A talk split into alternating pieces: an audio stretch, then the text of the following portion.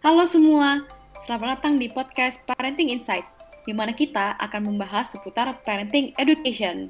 Nah, sebelumnya, perkenalkan terlebih dahulu kami mahasiswa psikologi Unikat Majaya Jakarta yang sedang mengambil mata kuliah anak berkebutuhan khusus. Ada aku Anggi, ada Carol, dan ada Memes.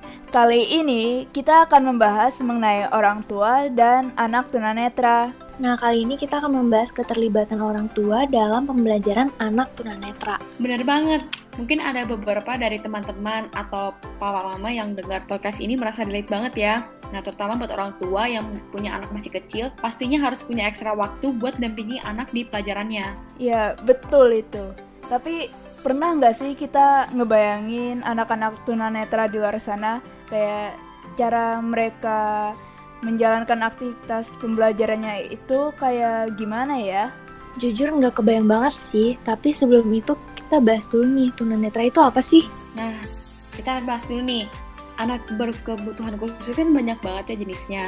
Salah satunya itu adalah tunanetra.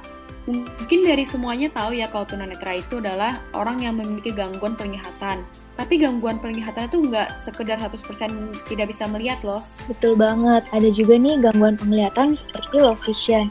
Nah, untuk orang yang memiliki hambatan ini masih dapat mengikuti kegiatan sehari-hari seperti biasa. Pada umumnya sih, gangguan penglihatan ini bisa mempengaruhi perkembangan anak dari berbagai segi, baik secara fisik motorik, kognitif, perkembangan bahasa, dan juga sosial emosionalnya. Untuk perilakunya nih, anak tunanetra cenderung punya kebiasaan seperti menekan matanya, membuat suara dengan jari, menggoyangkan kepala dan badannya. Nah, ini kemungkinan karena mereka tuh nggak punya rangsangan sensoris dan dia juga memiliki keterbatasan aktivitas dan ruang geraknya. Nah, secara pribadi dan sosial, anak tunanetra juga sering mengalami hambatan dalam perilaku sosial karena adanya keterbatasan belajar melalui pengamatan dan penilaian perilaku. Nah, mereka juga cenderung memiliki hambatan dalam berhubungan sosial, cenderung mudah peka karena pengalaman sosial yang kurang menyenangkan dan kesulitan mereka untuk bergerak serta berorientasi terhadap lingkungannya. Nah, karena itu juga anak tunanetra perlu pelatihan untuk dapat mengembangkan keterampilan sosial seperti menjaga orientasi, menggunakan gerak tubuh dan ekspresi wajah, serta juga menggunakan nada bicara untuk mengekspresikan perasaannya. Nah, tapi kebayang nggak sih cara anak tunanetra belajar gimana ya? Kan mereka punya hambatan penglihatan tuh. Nah, pastinya bisa mempengaruhi mereka buat uh, hambatan buat baca tulis juga dong.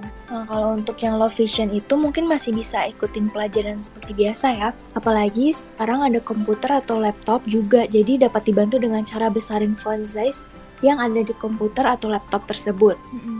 Secara umum nih, anak tunanetra kalau menjalankan pembelajarannya biasanya pakai alat bantu seperti reader atau pakai buku dengan huruf braille. Nah, sebelumnya untuk pendengar yang belum tahu, alat bantu seperti reader itu digunakan untuk membantu pengguna berinteraksi dengan perangkat yang digunakannya tanpa perlu melihat ke layarnya.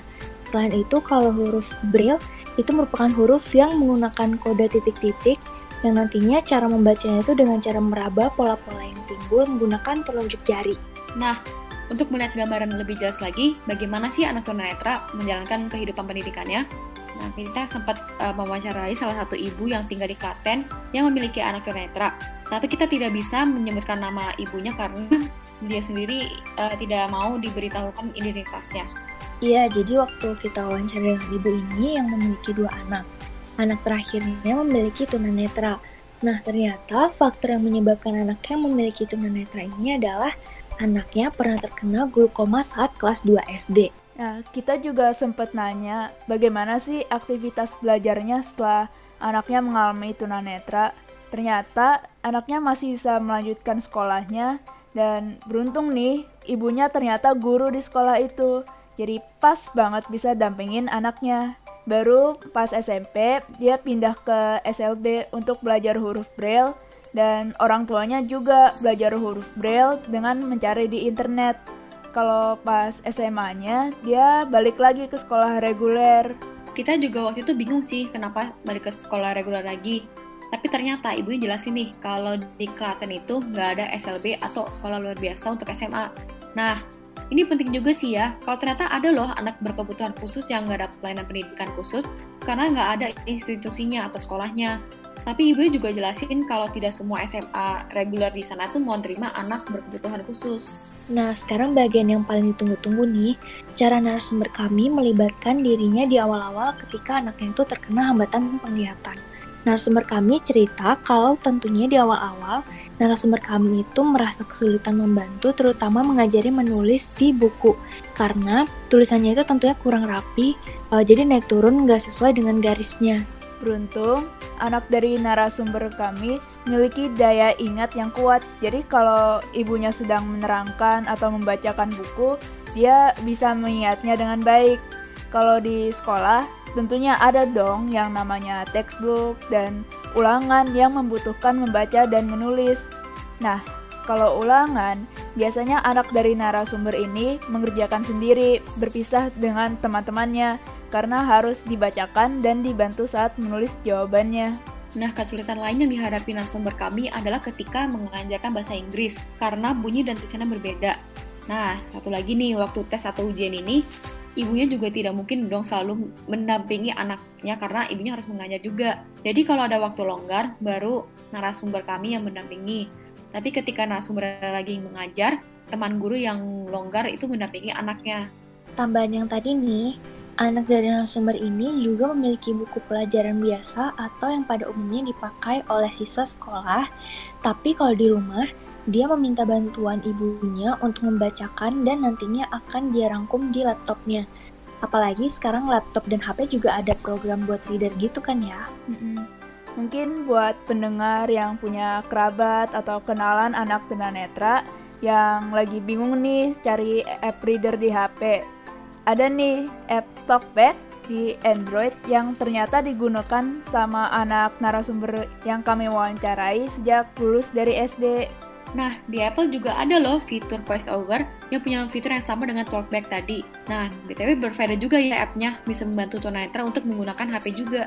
Nah, kalau untuk mendidik agar anak narasumber kami bisa menjalankan kesehariannya, contohnya itu kayak mandi, saat masih kecil masih dibantu ibunya, tapi lama-kelamaan ibunya tuh hanya menyiapkan baju dan handuk di kamar mandi, lalu dia mandi sendiri.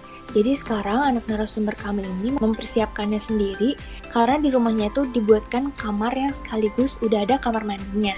Kalau buat aktivitas kayak makan, narasumber kami biasanya bertanya, mau pakai sayur atau lauk apa, nanti dia akan ambilkan buat anaknya. Wah, ini emang membuktikan ya kalau keterlibatan orang tua sebagai orang yang paling dekat dengan anak itu memang penting ya, terutama buat mempersiapkan dan mengajar anak biar bisa menjalankan aktivitasnya sendiri.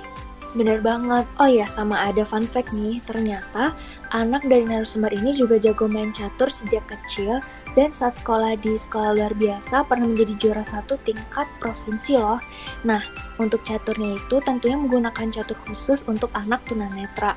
Jadi papa caturnya itu udah diberikan tanda khusus gitu untuk dapat membedakan warna hitam dan warna putihnya. Nah, yang kerennya lagi, sekarang anak dari narasumber ini sudah berkuliah di salah satu PTN di Jogja dan mengambil pendidikan luar biasa. Wah, pas banget ya bisa membantu anak berkebutuhan khusus lainnya. Tapi itu kan secara umum ya. Sekarang kan lagi masa pandemi nih. Kita juga sempat tanya sih gimana uh, pandemi ini bisa mempengaruhi ke perkuliahan dia juga.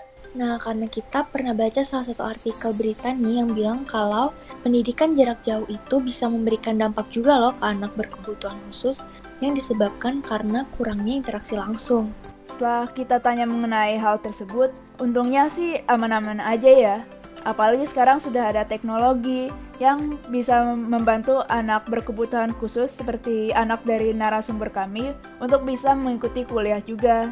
Nah, untuk kendalanya sih paling kita juga ngerasain lah ya seperti internetnya tiba-tiba down atau laptopnya tiba-tiba error. Nah, kalau anaknya udah mengalami kendala tersebut, biasanya dia minta bantuan ke kakaknya atau orang lain yang ada di sekitarnya.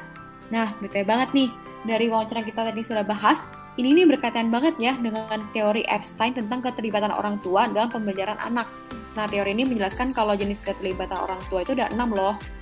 Kita akan bahas satu persatu nih. Yang pertama itu ada parenting. Ini itu berhubungan dengan sarana dan lingkungan rumah yang dipersiapkan orang tua untuk mendukung pendidikan anak. Nah, ini lebih pola asuh ya orang tuanya kayak gimana.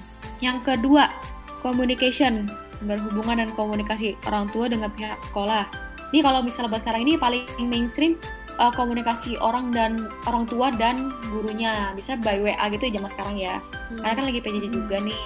Nah, yang ketiga ini ada volunteering berhubungan dengan partisipasi orang tua dalam kegiatan yang dilakukan oleh sekolah. Nah, contoh volunteering itu seperti apa sih? Contohnya misalnya anaknya lagi ada field trip nih. Biasanya field trip kan suka uh, ngajak orang tua ya biar ikut serta biar uh, buat uh, ngawasin anaknya juga. Di sini buat anak-anak TK sih. Ini, ini salah satunya ada volunteering dan contohnya lagi nih di sekolah lagi ada pentas, orang tua datang buat nonton sebagai support. Itu juga salah satu contoh volunteering juga loh. Hmm. Nah, bahas selanjutnya ada learning at home. Ini berhubungan dengan bagaimana orang tua memantau pendidikan anak di rumah.